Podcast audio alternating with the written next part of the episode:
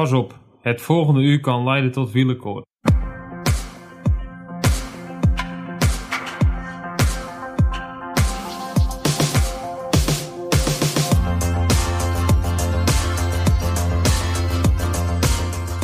De Ronde van de Vallende Bladeren, oftewel de Ronde van Lombardije.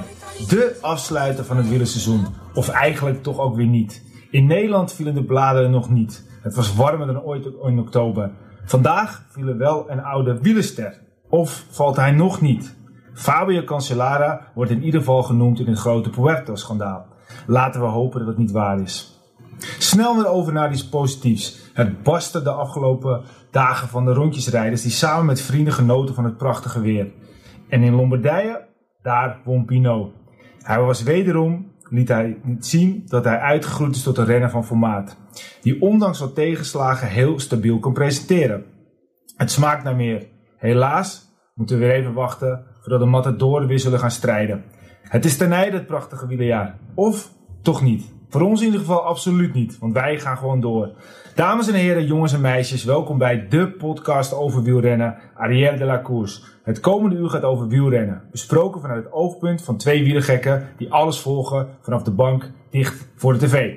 Vandaag aflevering 6. Op het programma staat een terugblik op de koersen van de laatste weken. Verder praten we over het reeds gestarte veldritseizoen en we gaan het over schaatsen hebben. Schaatsen? Ja, schaatsen. We leggen zo uit waarom. Ik ben Michiel Beemster, tegenover mij zit Wilco Kenter en links van mij Peter Koning. Peter, hoe zijn de benen? Ja, goed. Ik had vandaag weer de eerste rondje de mountainbike gedaan. eh, voor eh, een beetje trainen voor het strandseizoen. En eh, ja, dat was niet verkeerd. Het was wel even wennen weer met het hobbelen en hobbelen. Maar verder voelde de benen nog steeds heel erg goed. Gewoon lekker weer door en door. Hey, je moet eventjes kort het volgende even uitleggen. Want dat vonden wij, Wilco en ik, we gaan altijd eventjes volpraten van wat we gaan bespreken. En je vertelde wel een redelijk legendarisch verhaal over een rondje wat je deed bij Edam. Vertel eens. Ja, goed. ik ben, wat ik zeg, ik ben net weer een beetje begonnen. Ik heb andere, anderhalf week rust gehad na het Nederlands kampioen, clubkampioenschap.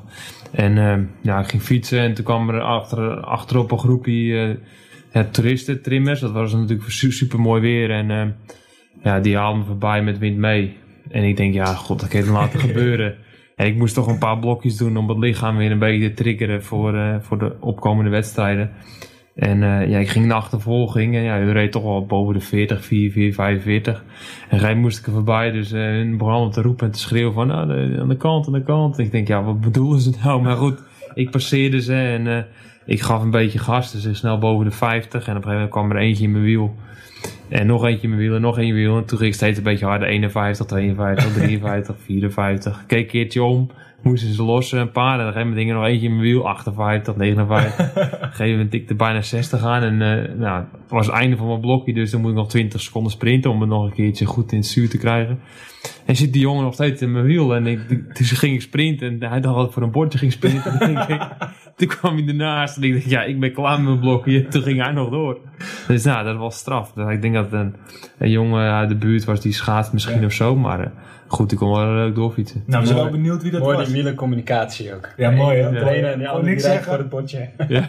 Maar ik ben wel benieuwd wie het was. Dus als iemand ons dat misschien eh, kan melden wie die, eh, die schaatser is geweest, want die heeft Nou, echt talent dus. Ik denk dat het een schaatsen is. Tenminste, het was in ieder geval een jongen die heel kon fietsen. Ja. En, eh, Een jonge goed. jongen ook nog. Nou, Eh, ik weet niet. Het zou, ik denk misschien onder 20, misschien 25, misschien wel 30. Oké. Ik weet niet. Oh, Misschien nou, wel 35. wie weet. Wie weet. Ja. Nou, als iemand dat ons kan uitleggen, wie heeft het heel lang in een Peterse wiel eh, volgehouden of wie heeft het niet volgehouden, weet wel wie die, eh, wie die renner was, dan horen we dat graag. ja. Hey Wilco, eh, zitten we weer hè? ja, gelukkig wel. Ik heb volgens mij dat wij geen, hebben geen fouten gemaakt vorige keer. Ik, eh, ik kan het me ook niet herinneren. Ik heb hem wel goed. Ik heb van niemand, ik heb lovende reacties gehoord. Dat is niet om te zeggen van hoe goed te zijn, maar we hebben goede reacties gehad. Daar zijn we heel blij mee. Maar ik heb eh, geen fouten gehoord, dus zouden we foutloos zijn geweest. Ja, ik weet niet. Het zou altijd kunnen natuurlijk, maar goed, die, meestal zie je eigen fouten niet en luister, hoor je Nee, eigen nee. fouten niet. Maar goed, eh, blijkbaar Nou, ja. hebben we geen fouten gemaakt. Eigenlijk hartstikke goed. En dan gaat er niks fout in de podcast zelf. Wat gaat er dan fout? Dan worden we gehackt op iTunes. Ik denk dat we de eerste podcast zijn die gehackt is. Wat denk jij? Ja, het is wel jammer natuurlijk, maar eh, we moesten verschillende vragen beantwoorden van eh, waarom kunnen we niet luisteren. Maar ja, wat je zegt, ik denk dat het ook zomaar iemand eh, Ja. best wel jaloers is en eh ons dan mij gehackt heeft. We stonden tussen een Duitse podcast ineens over een of andere Duitse 21 afleveringen. 21 afleveringen hadden we op één dag toegevoegd. En wat in één keer kwam is dat mensen vroegen van... Hé, hey, eh, waar is die nieuwe podcast nou? En, eh, ik eh, zie Ja. dat er 21 afleveringen zijn toegevoegd, maar ik zie niks. Dus, maar het mooie is, dames en heren, als jullie het sowieso goed willen luisteren... Spotify is nog steeds volledig goed. En iTunes, eh, ja, als je het nog heel eventjes niet doet... We hopen dat het zo snel mogelijk opgelost is. We vermoeden dat het, wat we al eerder zeiden, dat de hond van Valverde niet zo blij was met onze podcast van de vorige keer. Dus ik denk dat hij daar aan de kabels heeft geknobbeld. Maar we zijn ermee bezig. Ehm, we hadden ook nog een winactie vorige keer. Eh, mensen konden onze gekke kekke petje winnen. En we hebben twee winnaars. En die kunnen een eh, persoonlijk berichtje naar ons toesturen met hun eh, adresgegevens. En dan eh, sturen we het potje, eh, petje op.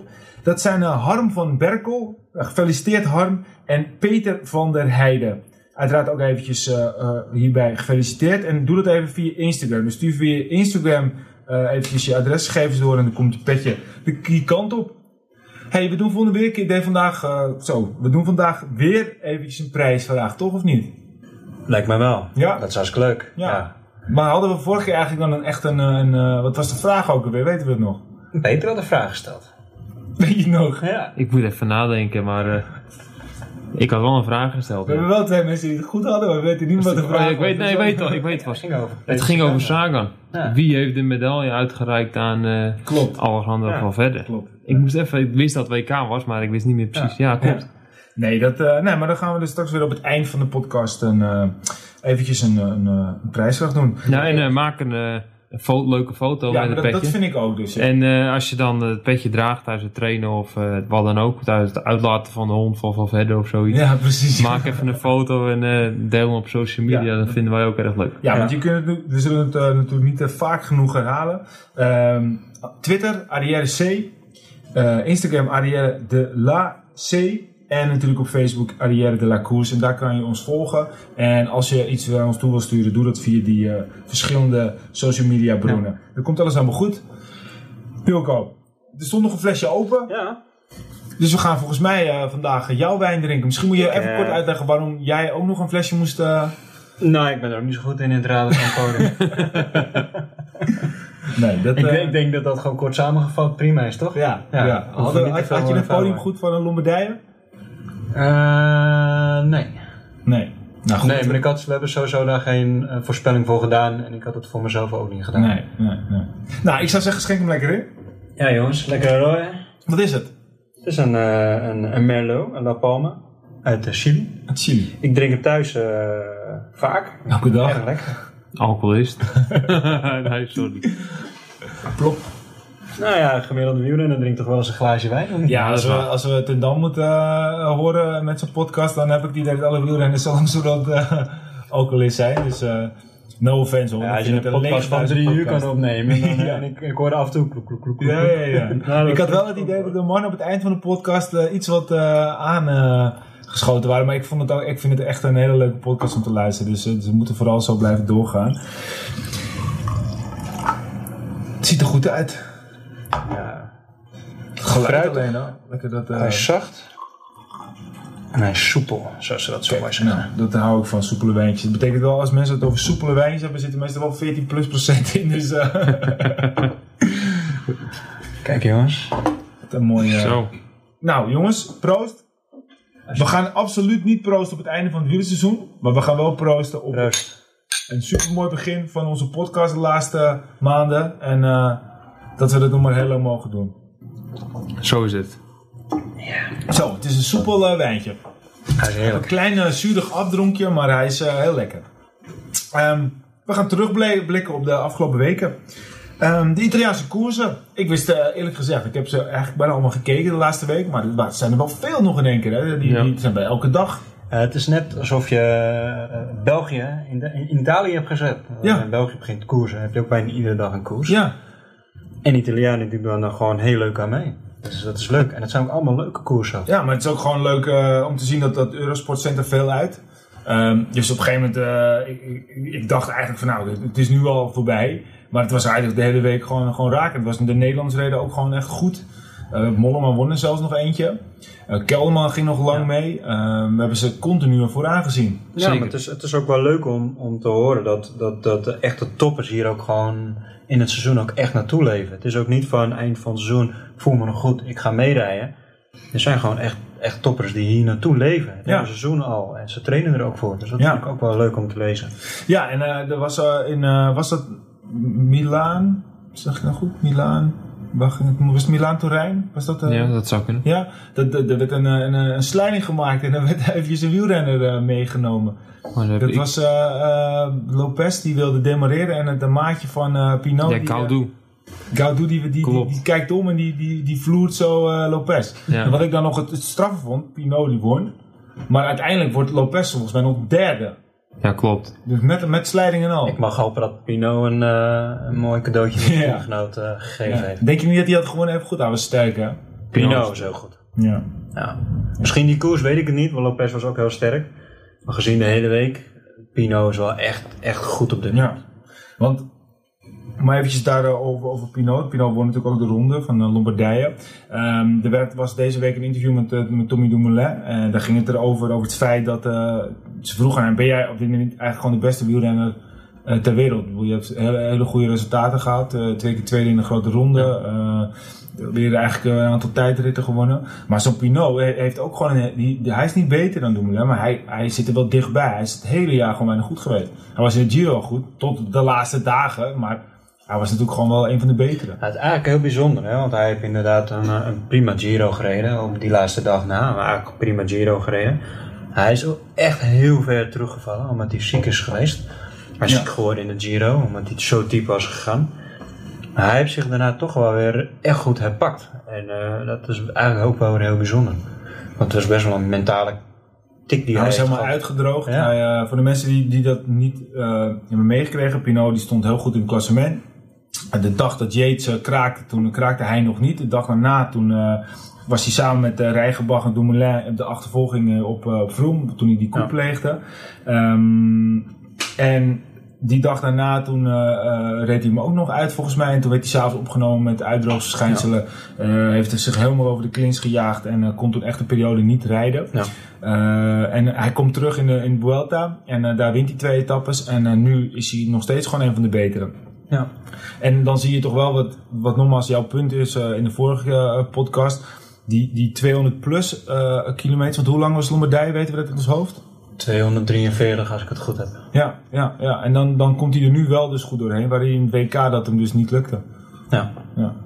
Al denk ik dat Pino een, een klassieker afstand wel goed aan kan. Hoor. Ja. Pino heeft al wel, wel echt een aantal jaren een hoog niveau gehaald. Dat hij die afstand wel, wel, wel aan kan. Maar vergeleken met Yates. Yates heeft de afgelopen jaren nog niet prestaties neergezet van formaat in een grote Nee. ronde of langere afstanden. Kijk, voor Yates was een lange afstand voor nu nog gewoon echt te lang. Maar Pino heeft het de laatste jaren wel, wel laten zien. Maar zou hij- dit dan net niet goed gepiekt hebben, Peter? Want hij, hij, hij zat in het WK er dus niet heel goed bij. En eigenlijk een week, week later, eh, anderhalf week later, is hij gewoon verder de beste. Nou goed, je hebt natuurlijk. eh, ik begin even terug naar, ik weet je zei, de voorjaarswedstrijd in België. Je hebt natuurlijk een klassiek voorjaar, wat eigenlijk België is. Je hebt periode van rondes, met de drie grote rondes en allemaal kleine rondes tussenin. En dan heb je een klassiek najaar. En een klassiek najaar is iets andere renners dan eh, de klassieke renners van het voorjaar. Maar dat is een beetje een combinatie van en de klassieke voorjaarsrenners. Met een mix van rondrenners die het eigenlijk niet hebben laten zien in de grote rondes. Of te laat gepiekt hebben of eh, een blessure hebben gehad, gevallen zijn, dat soort dingen. En Pinot hoort denk ik bij dat laatste, dat hij dus eh, iets goed te maken had van zijn seizoen. En wat Wilco net ook zegt, hij is gewoon heel goed bezig al de- het hele jaar. Alleen het is allemaal net niet. En waarschijnlijk was hij gewoon zo gebrand om goed de winter in te gaan. Wat heel belangrijk is voor heel veel renners, dat ze met een met eigenlijk zegen de, de winter ingaan. Dat je alleen maar nog beter kan worden het jaar erop. En eh Pinot heeft gewoon hier naartoe gewerkt naar de laatste klassiekers. En die had gehoopt waarschijnlijk op het WK ook top te zijn. Maar het is gewoon heel belangrijk dat je een goede koers rijdt voor het WK. En hij was gewoon tot, niet in topvorm op het WK. En die, dat heb je nou doorgetrokken naar Lombardije. En ja, laat gewoon zien dat hij wel eh, de sterkste Ja. is van de, Want- van want- de hele reeks. Want in de Vuelta was hij uiteindelijk denk ik laatst ook misschien wel een van de sterkste. ja, zeker. En dan, dan blijkbaar heeft hij een, kleine, een klein dalletje. Ja. En dan kan hij het net niet uit, trekken tot het WK. En daarna is hij gewoon de beste. ja, ik, ik denk dat hij op het WK ook wel gewoon goed was. Alleen het moet ook allemaal even goed vallen. ja. Een mooi voorbeeld is Bauke Mollema, die het op WK wordt die twaalfde. is een ja, uitstekende prestatie.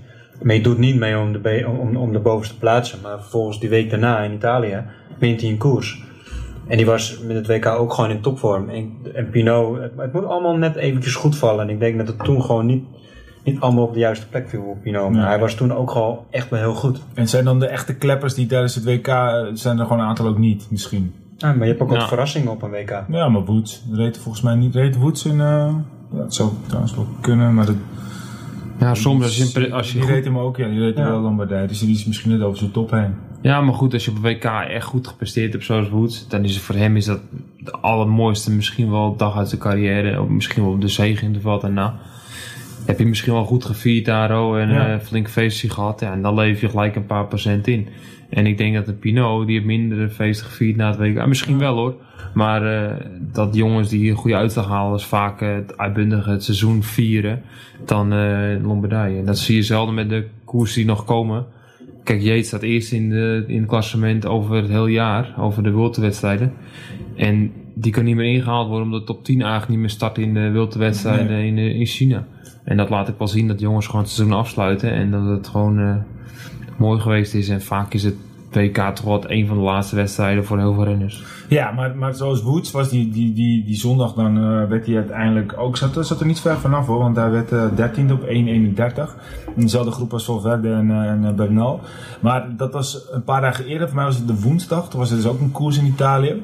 En eh, ik wist echt niet wat ze aan het doen waren, maar Education First, die waar, zat met twee man in de groep, onder andere met, ze zat met Oran en Woods in die groep en de Kelderman zat er ook bij en voor mij won Pino ook die dag. Ik even niet zeker.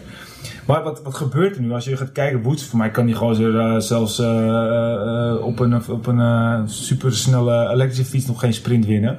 Maar, en Oeran kan aardig sprinten. Wat gebeurt er? Gaat Oeran gaat de sprint aantrekken voor Woods. En, en, en, en op een gegeven moment eh, gaat Oeran al eh, vlak voor het einde van die, eh, van die wedstrijd gaat omhoog zitten. Van nou, Woods gaat nu wel winnen. En die Woods wordt volgens mij gewoon laatste van het groepje. Dat je echt denkt van, hoe kan dat nou, weet je wel? Dus, dus hij was nog waarschijnlijk wel in vorm, die Woods. Want hij zat er nog wel goed bij. Maar het was even een mooi bruggetje om te zien dat dan zo'n ploegenbelang ook ja, eigenlijk dan wel weer meespeelt. Want, want Oeran wordt nu bijvoorbeeld vierde.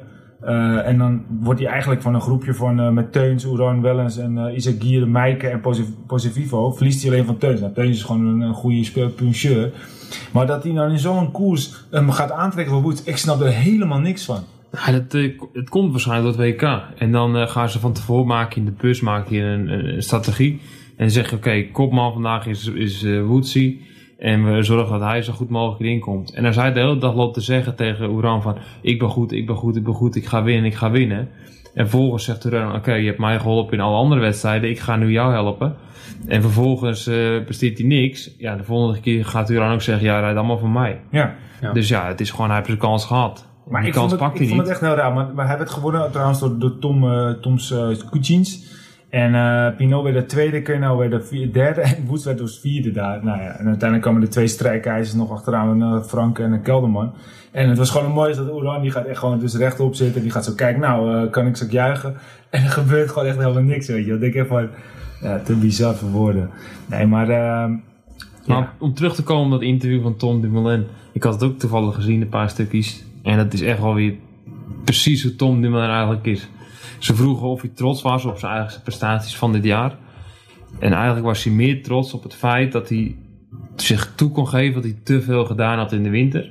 En dat heeft Laurens Dam in zijn podcast ook gezegd van... Uh, als ik te veel doe, dan merk ik het niet. En Tom heeft gewoon een talent voor dat hij dat merkt binnen twee maanden. En dan kan je het weer omschakelen. Ja. Hij wil alles te goed doen. Hij wil te veel trainen, te veel ja. op zijn voeding letten. Te veel eigenlijk. Ja, en, en het woordje te is niet goed. Nee. En dat is in de wielersport net zo.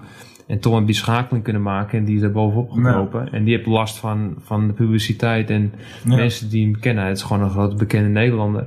En dat, dat hij dat opnoemt als een grotere prestatie dan wat hij eigenlijk laten zien heeft in de wedstrijden. Dat, dat typeert echt Tom Dumoulin. En dat is echt een, een karakter wat hij heeft waar hij heel veel mee gaat komen. Dus eigenlijk Ja. kort samengevat, hij was eigenlijk was hij, hij was aan het vieren dat hij een goed seizoen had, maar zijn focus was eigenlijk gewoon alweer op het nieuwe seizoen. Ja. Wat moet beter? Wat kan ik beter? En wat kan ik veranderen om weer beter te worden? Ja, maar ik vond ook dat hij zichzelf niet die druk oplegde. Hij zegt heel duidelijk van luister, natuurlijk is het een van mijn bucketlists, ik wil de Tour winnen. ja. Maar als ik de Tour niet win, is mijn carrière niet eh, eh, in één keer daar er minder om.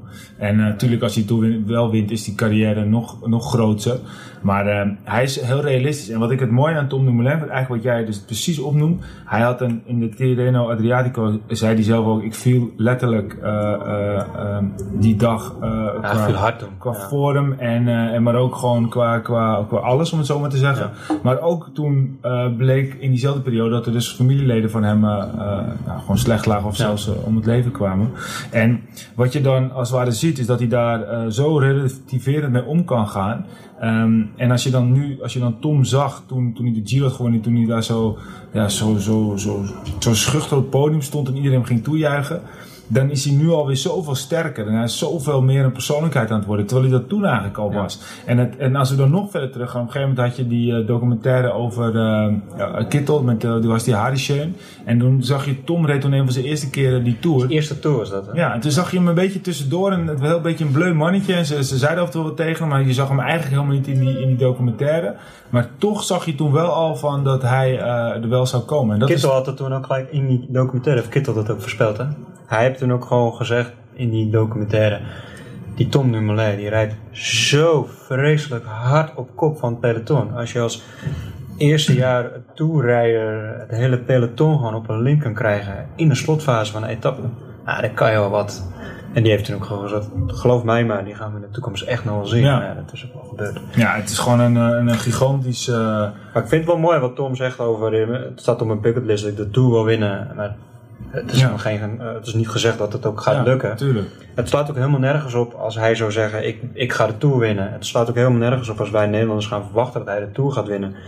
Hij wint de Giro, dat is al echt iets onwijs moois wat wij hebben meegemaakt als Nederlander. Ja. Omdat we al die jaren geen grote ronde rennen meer hebben gehad. Hij wordt tweede in de Tour, wat, wat natuurlijk gewoon ongelooflijk goed is. Laten we gewoon lekker met z'n allen gaan genieten Tuurlijk. van dat we eindelijk iemand hebben die meedoet in een grote Maar ronde. tuurlijk En willen we dat hij de Tour wint. eh, Maar tuurlijk, maar hij is gewoon zo relativerend dat hij zegt, jongens... dat we- vind ik ook wel mooi, dat hij dat precies, wat jij nu ook zegt, dat hij relativerend is. En natuurlijk gaat hij ervoor strijden. En ik vind het ook heel mooi dat hij zegt dat hij dat ook niet kan zeggen dat hij de Tour gaat winnen. Nee. Er zijn 170 renners aan het, aan, aan het Ja, vertrekken. maar ja, goed. eh, bedoel, eh, dus, je moet een hele groot zijn om die Tour sowieso Ja. een keer te kunnen winnen. Of je moet een goede dokter hebben gehad in het verleden. Ja, dat is een ander verhaal. Wat heeft hij een mooi seizoen gehad. Hij heeft een fantastisch seizoen gehad. Echt hoor. Kijk, alleen het, het begin. eh, de- ik, ik kan de ronde van Oman, kan ik me goed doen. Op een gegeven moment had hij wat problemen met zijn tijdritfiets. Op een gegeven moment, eh, daarna ging hij met zijn fiets smijten. En in Tirreno toen viel-. Hij was gewoon in het begin, was hij gewoon eh, veel te veel bezig met de verkeerde dingen. En hij zegt zelf ook al, uiteindelijk is dat voorjaar dat het niet goed ging, is juist mijn redding geweest. Nou, en dan ben je gewoon een grote. Want dat betekent dus dat je dus uit slechte dingen iets goeds kan, eh, kan, eh, kan halen. En eh, ja, als ik ook heel eerlijk ben, toen hij de Giro startte, ik had geen idee. ik had het ook, ik, ik- die druk was daardoor veel lager. Want ik had niet verwacht dat hij zo goed zou rijden. Ja. En, en toen in de Tour was het hetzelfde verhaal. Als hij dan op een gegeven moment niet goed had gereden, had niemand gezegd van ja, luister, eh, toen, ja, ehm, hij is al tweede geweest. wat kunnen we van hem verwachten?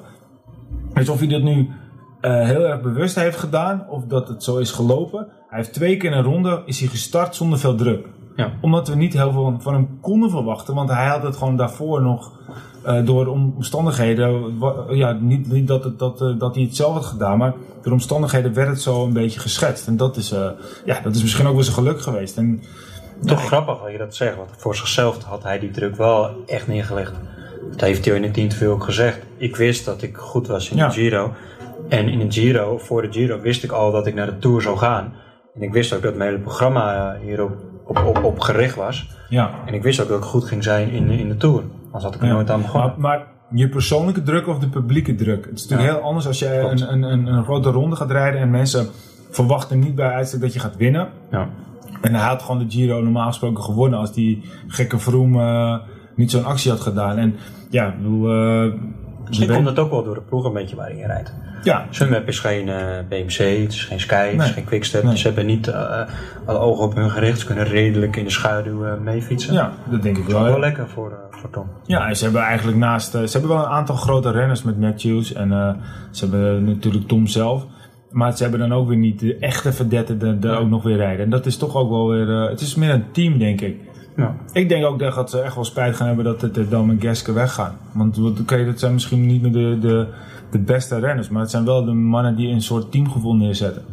Zeker weten. Ik denk ook niet dat, eh, dat ze nu zo'n versterking erbij hebben gehaald. Natuurlijk hebben ze een paar jonge jongens erbij, maar niet eh die renners die ze nodig hebben om de Tour te winnen. En eh, Tom is speciaal genoeg om het wel te laten zien. Maar ze, hebben niet, ze kunnen nog niet opboksen tegen Team Sky in mijn ogen. En, Nee. Ik denk wel dat dat nodig had geweest. Ze hebben geen Castroviejo. Ze hebben geen eh eh, Pools die gewoon... eh, gewoon Goed, hun hebben bij Sky heb je nog tien renners die beter zijn dan de, dan de jongens bij. Alleen, ik, ik wil er wel een maar bij stellen. Die Robert Power, die, die kwam veel nu al op in Italië. Want die reed gewoon... eh, WK was die ook goed. WK zat hij er, zat hij er, zat hij er hij ook heel lang, zat hij er hij goed bij. bij. Eh, Kelderman heb ik echt van genoten. Vond ik super sterk. Oma heb ik van genoten. Vond ik super sterk. En dan Tommy Dumoulin heb je gewoon al vier man, hè? Dus, dus, dus dan heb Ja, je gewoon... vier. Ja, dat weet ik. Maar, Skype wel tien nog. ja, weet ik. Maar wat gebeurt er als Kelderman onderuit gaat een week voor de Tour? Klopt, maar dat... dat Net als dit jaar. En dat gebeurt elke keer. ja, dat, Ja. dat is waar. Ja. Dat, Dus- is, dat is waar. Dat is waar. Maar kijk, En bij Sky trekken ze een ander blik open en dan hebben ze nog tien dat is goede waar. renners. Dat, dat ben ik En dat is gewoon het gevaar bij Sunweb. Ze hebben in de breedte, ze hebben wel vijf, zes goede renners, maar je hebt er Ja. al nog acht nodig. Ja. Maar die En- die ze hebben... maar die is nog niet klaar om het Tour de. France Oké, eh, Tom bij te staan in de laatste 10 En kilometer. ze hadden nu het geluk met Laurens de Dam dat je een eh, oude rot in het team hebt die precies weet wat er in het peloton Ja. speelt, die ook voelt wat er gaat gebeuren door zijn ervaring. Nou, ik ben benieuwd of ze dat volgens Ja, maar ik, hebben. maar ik vind ook wel dat ze met sommige aankopen een beetje... Sommige aankopen hebben ze het heel goed gezien en goed gedaan. Maar ze hebben ook wel een beetje pech gehad, zoals die Louis Vaken. Die, die eigenlijk geen deuk in een pakje bo- boter rijdt. Ze hebben dan die, die andere Belg. Edward Teuns. Ja, nou ja, goed. eh, goed, ik denk, ook niet Sunweb echt... is zo goed bezig. Alleen, wat ik om me heen hoor, een beetje van het peloton en van de jongens die ik wel eens spreek, ook bij Sunweb. Het protocollen, alleen maar protocol, protocol, protocol. Dat is Ja. voor de ene is dat goed en voor de ander is dat niet goed. En ik denk dat zo'n zo'n Louis van Vaken, misschien is dat voor hem niet de weg om de top te halen. En die jongen die heeft zoveel talent. En dat kan misschien ook wel de kop gaan kosten van Robert Power als hij bijvoorbeeld eh, in de, in de Sunweb komt. En die moet alle protocollen volgen waar hij misschien helemaal niet tegen kan. En dan wordt misschien niks. En bij Tom werkt het. En bij een ander werkt het. En bij Lau Amsterdam werkt het omdat hij zelf wel heel professioneel is. Maar er rijden ook een pak renners in rond die je niet tegen kunnen. En die gaan daardoor weg. Maar, maar wa- waarom zou, het je, zou, je, zou je er minder door gaan rijden dan? Want dat snap ik niet. Nou, het is mentaal. Wielersport is natuurlijk heel deel fysiek, maar het is een mega groot deel is mentaal. Van de week eh, de podcast van eh, Bram Tanking met Laurens de Dam. Dat Bram Tanking ook, ook vertelde over Quickstep. Waarom is Quickstep zo goed? En waarom blijft dat zo goed? Waarom wint iedereen? Nou, daar kon- konden ze het geheim niet echt over vertellen. Maar hij wist wel te vertellen dat zij hebben geen trainer. En Terpstra heeft geen trainer. Die moet, die moet zichzelf voorzien. Ja. Nou, die, die redt dat prima. Het enige wat ze van je verwachten, als jij moet racen bij een bepaalde eh, koers, dan moet je er staan. En als je er niet staat, heb je een probleem. Nee. Dus die gasten, die, die hebben alle vrijheid, maar ze weten wel dat ze goed moeten zijn. Maar ze kunnen gewoon hun eigen trainingen gewoon indelen. En iedere, zoals Peter ook zegt, iedere fietser weet wat hij wel wil en wat hij niet wil. Wat hij wel prettig vindt, wat hij niet prettig vindt. En dat is, dat is de tactiek van Quickstep. En ja, dat, moet je wel kunnen. Zoals Ja, maar Vaker, Quickstep rijdt om zo'n, te eh, winnen. Ja, maar zoals we vaker hebben ook zo'n handleiding. En eh, Tuurlijk, maar, ik, maar dat, dat, dat begrijp ik wel. Alleen als jij een gestructureerd schema krijgt, een gestructureerd voedingspatroon, dan snap ik niet dat, je, dat, het, dat het voor sommige renners lastig is om daarin te gedijen. Want het is juist in principe, zou het het makkelijker doen moeten worden. En Ja. als zo'n Nicky Terpstra geen trainer heeft, lijkt het me mentaal juist wel moeilijker, omdat je alles zelf moet doen. Je moet je elke keer jezelf aanzetten. En als je dan op een gegeven moment zo'n vervaker bent, en je krijgt een schema.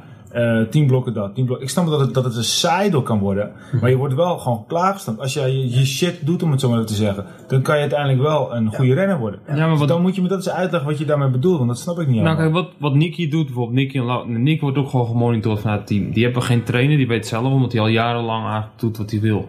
Dus om hem bijvoorbeeld te nemen, hij doet soms de gordijnen open en als hij de zon schijnt, al mooi vijf uur trainen.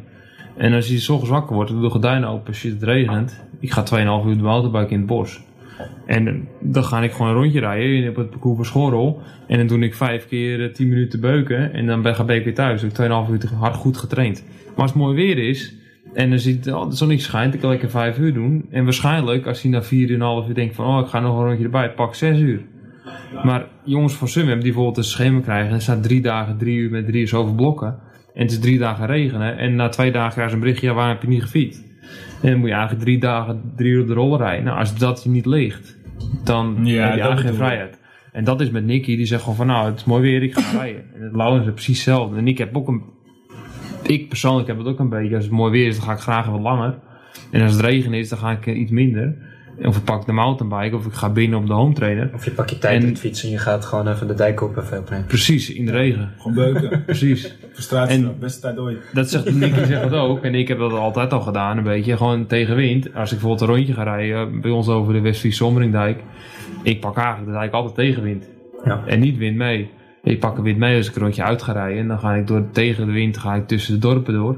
En dan wind, eh, wind mee ga ik over de dijk. Maar als ik Daar gewoon kan ik trainen niet ben. helemaal in volgen, maar Nee, maar als ik, ga, als ik aan het trainen ben, dan ga ik gewoon wind tegen op de dijk. En met wind mee ga ik tussen de huizen. Ja. Dan ben ik aan het trainen. Ja. En als ik rustig aan het fietsen ben, als ik zere benen heb, dan ga, doe ik het tegenovergestelde. Ja. Wat iedereen eigenlijk doet. Maar Maar, dus- je dus- wordt juist beter als je zelf prikkelt. Dus zo'n vervaken zou dan waarschijnlijk gewoon... Nou, ik zeg niet per definitie natuurlijk, maar goed. Dat hebben we al alle schijn naar. Als zo'n jongen niet presteert wat hij doet, dan gaat er ergens iets niet goed. Ja, maar hij gaat ook al weg bij zo'n Lotte Soudal. Dus Ja. dan denk ik van jongens, kijk, als hij daar het ook zo goed gedaan, dat is, lijkt me ook een ploeg met die, die redelijk een open karakter heeft. En Ja. eh, zoek het maar uit eh, als je maar goed bent. Nou goed, deze Louis vaak heeft heel goede nummer, heel goede eh, wattages en heel hoge cijfers. En dat betekent niet dat je een hele goede wielrenner bent. Ja. En hij heeft wel heel veel potentie. En dat is zelf met Robert Power. Ik ken hem dan best wel goed. Want ik heb hem bij Drapak heb ik hem een paar keer gezien dat hij onder 23 was. Ja. En die jongen die is zo verschrikkelijk hard fietsen. Alleen die heeft zoveel pech gehad met, eh met blessures en dat soort dingen. En eh, toevallig hebben we dezelfde coach en dezelfde trainer in Australië.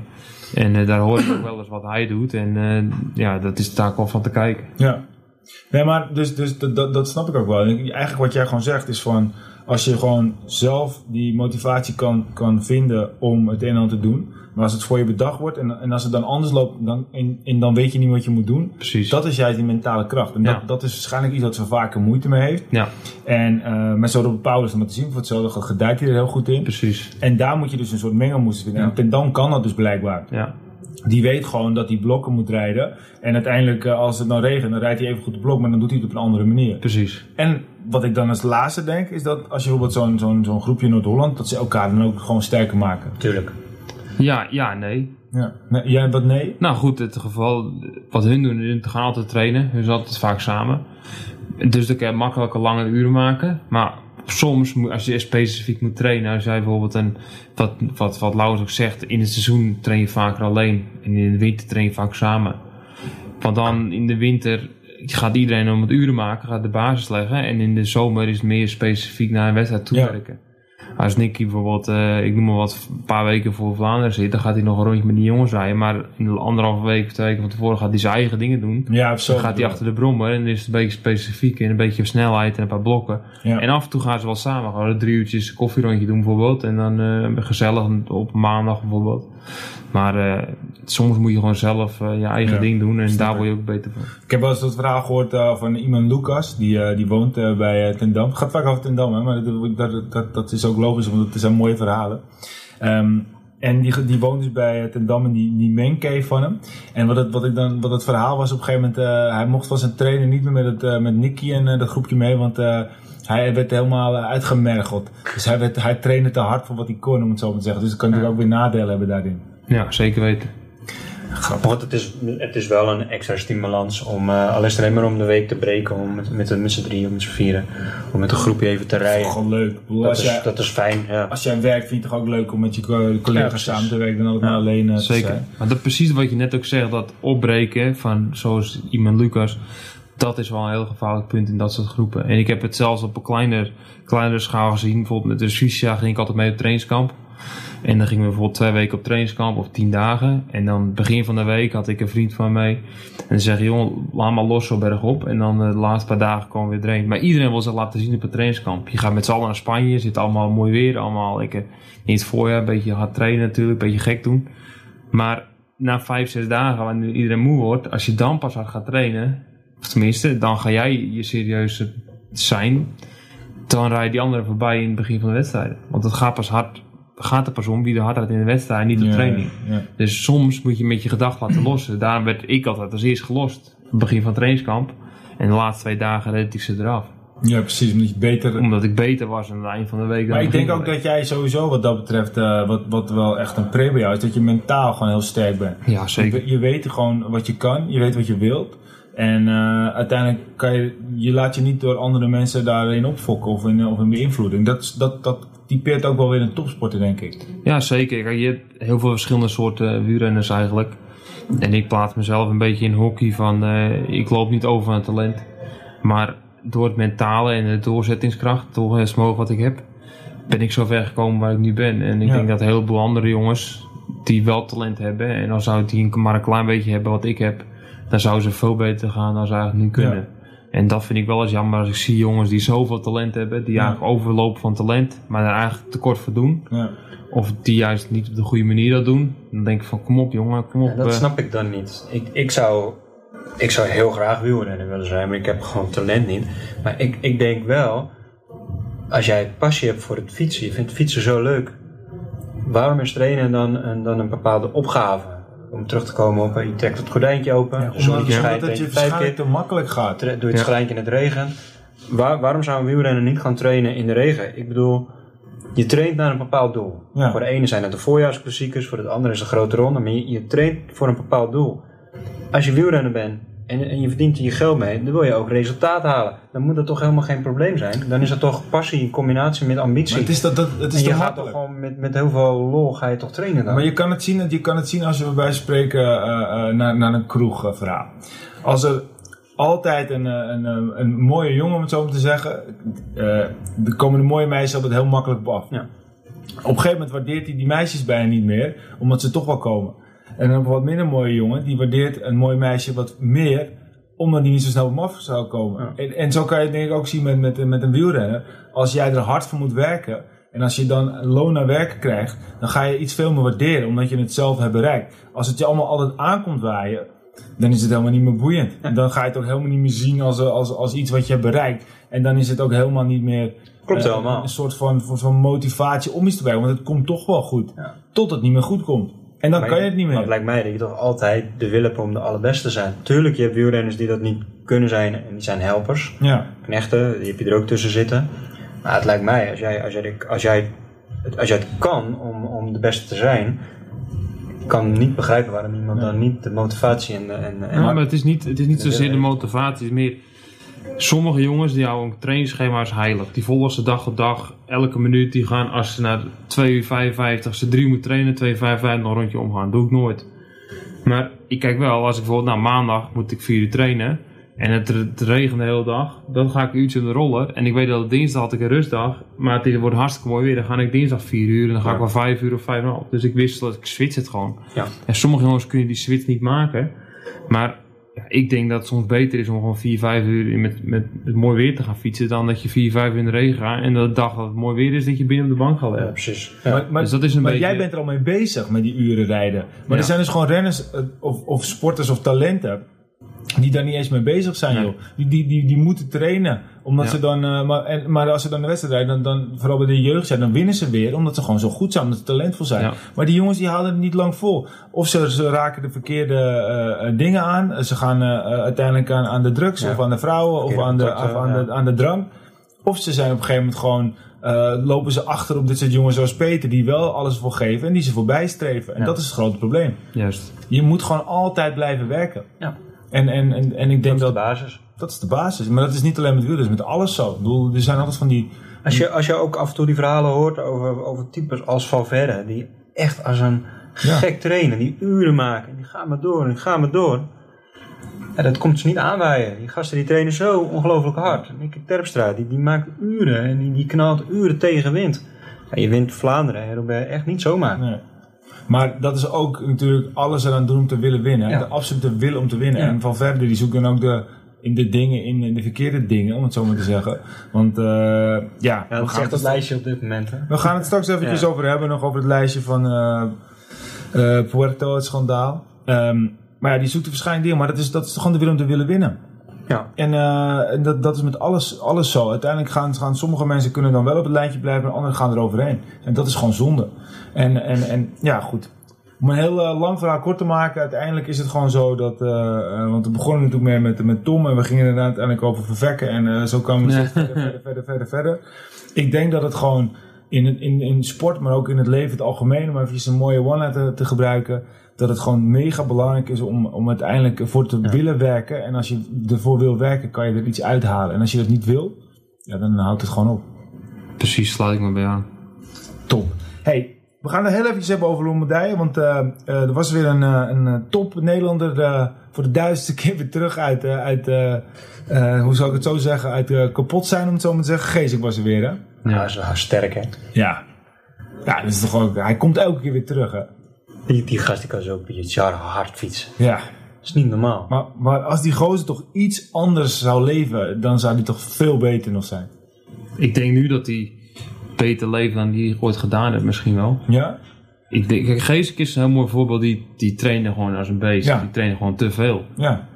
En dat, dat beseft hij misschien nu pas. En nu rijdt, kan hij een beetje be- beter mee omgaan. En daardoor laat hij ook zien in de grote rondes dat hij gewoon eh, veel strijdvaardiger is. En dat hij eh, echt laat zien dat wat hij kan.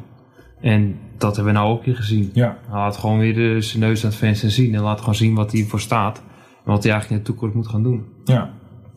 Ja, maar Nee, op de manier hoe hij koers.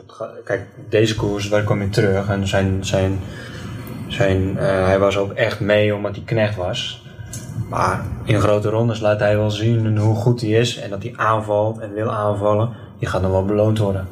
Ik hoop het. van de grote rondes. Hij is al beloond natuurlijk in de Vuelta. Maar ik, Ik hoop echt dat hij nog een keer een Tour-etappe gaat winnen. Want het is ik denk als hij het op deze manier blijft volhouden.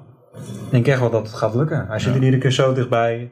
En hij gaat maar door en gaat maar Hoe door. vaak zou hij nou wel al niet eh, lang uit zijn geweest met een blessure? Oh, te lang. Vier, Te veel. vijf, zes keer of zo? Echt Ja. lang? Ja, ongelooflijk. Volgens mij heeft hij ook nog iets toen, eh ding met zijn vrouw gehad. Dat zijn vrouw volgens mij ook ziek. Ja, ja, zijn vader is met mountainbiken. Ja, ook, er ook nog bij.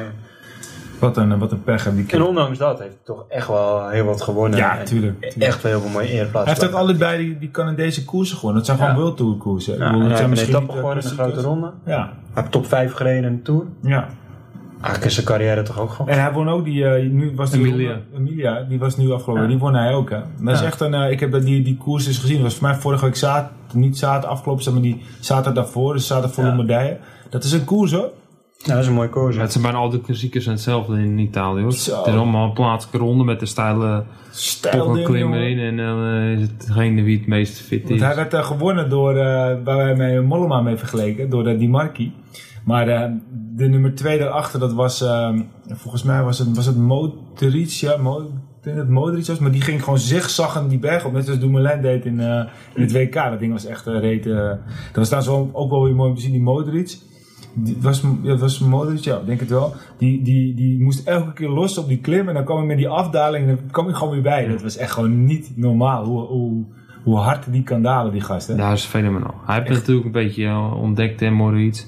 Dat eh, afdalen op de stang, op de hoogbuis en dan nog bijtrappen. Ja. En hij heeft het Ja, geïntroduceerd. precies, ja, ja. Met het, het En, helemaal eh, hangen en zo, ja. ja. Ja, goed, dat is, het- die gaan we nog wel zien de komende jaren hoor. Dat is wel een, eh, in de afdaling vind ik altijd genieten in die koersen. Ja. Tussen die huisjes door Ja, en dan die bochten zonder vangrail. Ik vind het echt levensgevaarlijk om naar te kijken, maar toch gaat het elke keer weer goed. hey, we gaan even door. Eh, afgelopen weekend ook eh, de Hammer Series Hongkong. Ja, het is een beetje tussendoor gepropt. Hè. Ik vind het niet echt, eh, maar dat is mijn persoonlijke mening. Ik weet niet wat jullie ervan vinden. Ik heb het een klein beetje gevolgd, maar het is een beetje langs me heen gegaan. Omdat het, de focus was inderdaad echt op Lombardij, Italiaanse koersen. Ja. En dit, dit kwam er een beetje tussendoor. En het was ook vroeg in de ochtend. Ja, het was ook op één was dag heel weinig volgens mij of zo. eh, ook. aandacht is hier ook aangegeven eh, vanuit Nederland althans. Maar het waren maar twee ritjes toch? Het was toch eerst gewoon alleen een sprintje. Hadden- Normaal had ze ook een klimmetje, die hadden ze dit keer Nee, niet. was nu sprinten en je had En eh, de tijdrit. en de tijdrit, Ja, ja. ik vond het, eh, nee.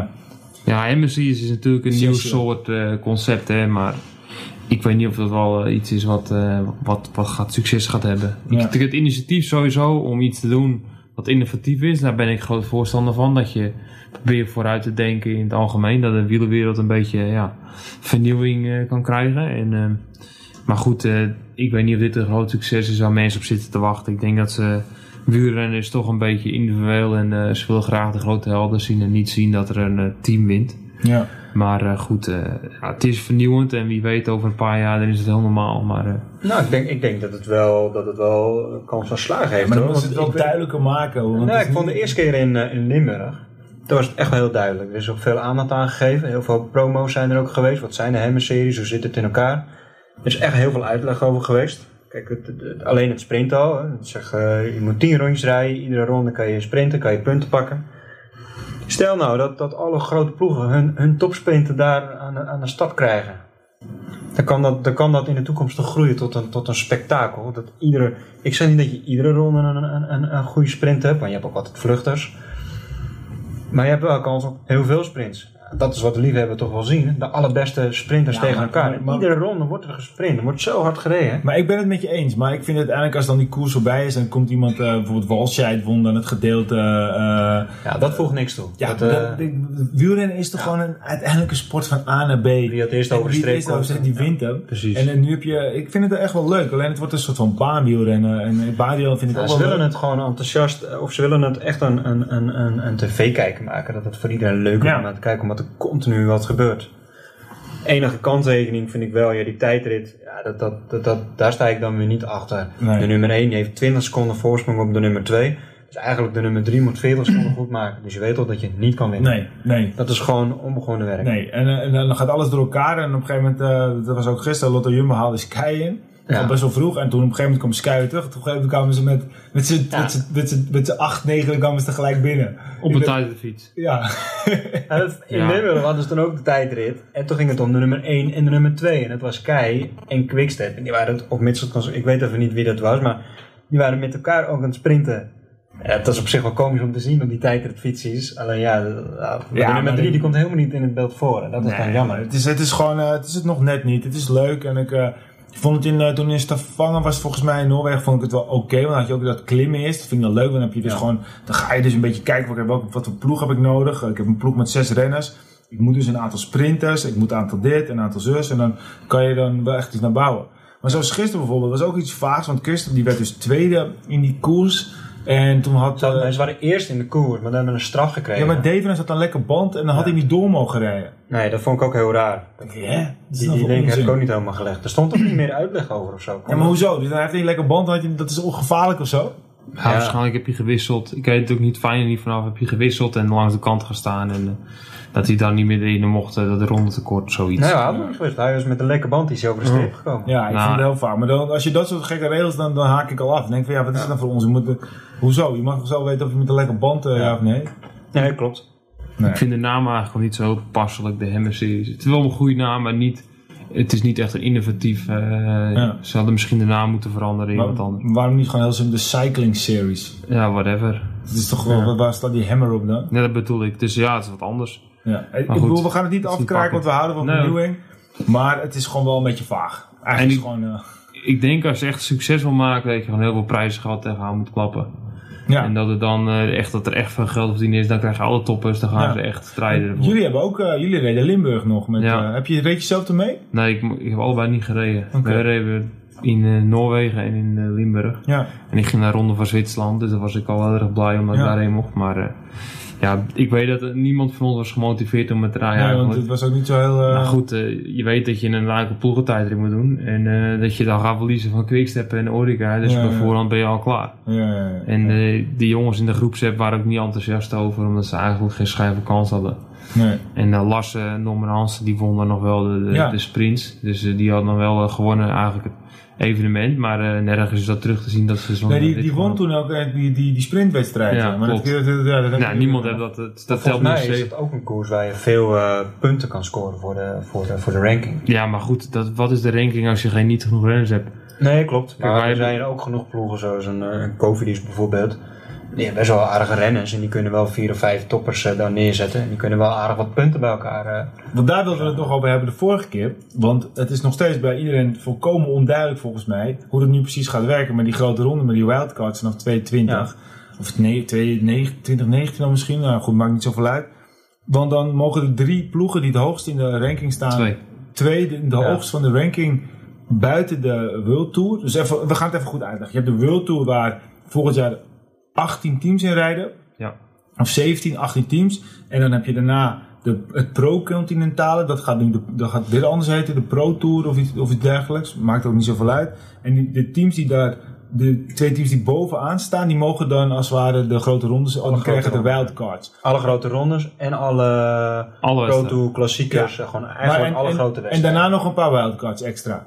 Er zijn vier wildcards, twee worden er vergeven Ja. en twee zijn er nog te vergeven. Maar wat, wat wij toen ons open afvroegen was het feit van ik hoop dat iemand dat ons kan vertellen. Dus eh, wees gerust, eh, niet bang. En ga het gewoon even lekker allemaal naar ons to- toesturen via alle kanten. Want wij zeiden oké, als je dan bijvoorbeeld in het begin heel goed rijdt, dan sta je bovenaan. Ja. En, en dan op een gegeven moment mag je meerijden. Maar dan kan je al die koersen die je mee mag rijden, kan je weer punten vergaren. Ja, dus dan blijf je toch bovenaan staan. Dat is volgens mij, of misschien snappen we het niet goed. Maar dat, is, dat lijkt me heel raar. ook, maar ook wat is het me- meetmoment vanaf het begin dat de punten... eh, is Van het dat- jaar ervoor. Is dat vanaf het jaar ervoor? Ja. Ja. Ik ben sowieso tegen dit systeem. Want wat je nou gaat krijgen is dat dus de rijkere Pro-Continental teams met vi- 24 renners die maximaal aantal renners hebben, een driedubbel programma gaan rijden. Overal zoveel mogelijk puntjes gaan scoren, dat ze die wildcard krijgen en dan grote rondes kunnen rijden. Ja. En daar dan eh, makkelijk de punten kunnen halen en zodoende altijd maar eerst in het klassement staan. Ja. En teams die iets minder budget hebben, maar misschien veel meer kwaliteit hebben. Bijvoorbeeld eh 16 renners hebben. Ja. Die rijden een enkel programma of eh, soms een keer een dubbel programma. Die kunnen lang niet zoveel punten Nee. halen als die andere teams. Nou, en wat, wat ik denk, wat er gebeurt. We hebben een Frans president. We hebben twee Franse pro-continental teams die eigenlijk het meeste budget hebben. Direct Energy en eh Cofidis. Ja. Die hebben allebei het budget om grote renners Ja. aan te nemen. Als Nicky Terpstra, weet ik het wat. Als Nicky één keer top 5 rijdt in de, wereld- in de World Tour Klassieker, Ja. pakt hij zoveel punten dat ze overal gratis welke Ja, maar dan mag je dus ook wel rijden omdat zijn team hoog staat. En Dus- wat je in de Tour gaat krijgen, is dat dan, dan mogen ze nog twee wildcards erbij doen. Wie gaan er dan verder rest teams. Dus Een ploeg als Robot is is gewoon bijvoorbeeld gewoon Ja. kansloos om grote wedstrijden te rijden. Precies. Dus een Franse president, in mijn ogen, mag het eigenlijk niet zeggen, maar misschien een beetje corrupt. Dat dit doorgeduwd is eigenlijk in het systeem. Ja. Ik ben gewoon eigenlijk, het is heel simpel. Ik ben er voor een systeem dat het de om, dus, dus alle wildcards op één grote hoop gaan. Dat je alle pro-continental teams de gelijke kans geeft. Want je bent niet, tenslotte niet voor iets een pro-continental team. Dan wil je de grote wedstrijd deelnemen. De eerste ploeg in de, in de pro-continental rankings kan de eerste wildcard kiezen. De tweede ploeg kan de tweede kiezen. En misschien staat er wel op de derde plaats een Belgisch ploeg. Die zegt ik rijd liever de Ronde van Vlaanderen in plaats van de Ronde van Frankrijk. Ja. Waardoor je eh, de nummer 5 een kans krijgt op de wildcard Ronde van Frankrijk. En misschien staat er wel tweede een Italiaanse ploeg die zegt ik heb liever de Giro dan Tour de France. Dat is natuurlijk heel goed Hoe, hoe mogelijk. zie je, hoe, dat vind ik interessant. Hoe zie je dat dan? Want door de Nou, ik zie- twee kiezen toch gewoon alles dan? Nou goed, ik zie het voor een systeem voor dat bijvoorbeeld alle pro-continental teams, bijvoorbeeld je hebt 12 teams Ja. en je hebt bijvoorbeeld 50 wildcards. Nou, de eerste ploeg mag de eerste soort kiezen. draft. Zoals je dan Ja, dus je mag de eerste, eerste ploeg mag de eerste kiezen. Ja. Nou, de eerste kiest Tour de France. Nou, de tweede kiest normaal gezien de Tour de France. Maar misschien is de tweede wel een Italiaanse ploeg die zegt ik wil liever de Giro. Ja. Dus dan mag nummer drie kiezen. Nou, die kiest Tour de France enzovoort. Nou, totdat ik heel rijtje afgewerkt heb. Dan begin je weer bij de eerste ploeg. En nou, dan gaat hij kijken. Oh, misschien is nog een wildcard over de grote ronde. Ja. Dan pak ik die. En anders pak ik de grote klassieker. Nou, welke klassieker wil je? Vlaanderen, Roubaix, misschien wel Lombardije. Net Ja, wat je ja. interessant vindt. En dan ga je weer het lijstje, lijstje af. Dus alle pro-continental teams hebben allemaal een Maar dan krijg even je dus aantal... uiteindelijk in de Amsterdam Gold Race bijvoorbeeld eh, een of een andere... rompot.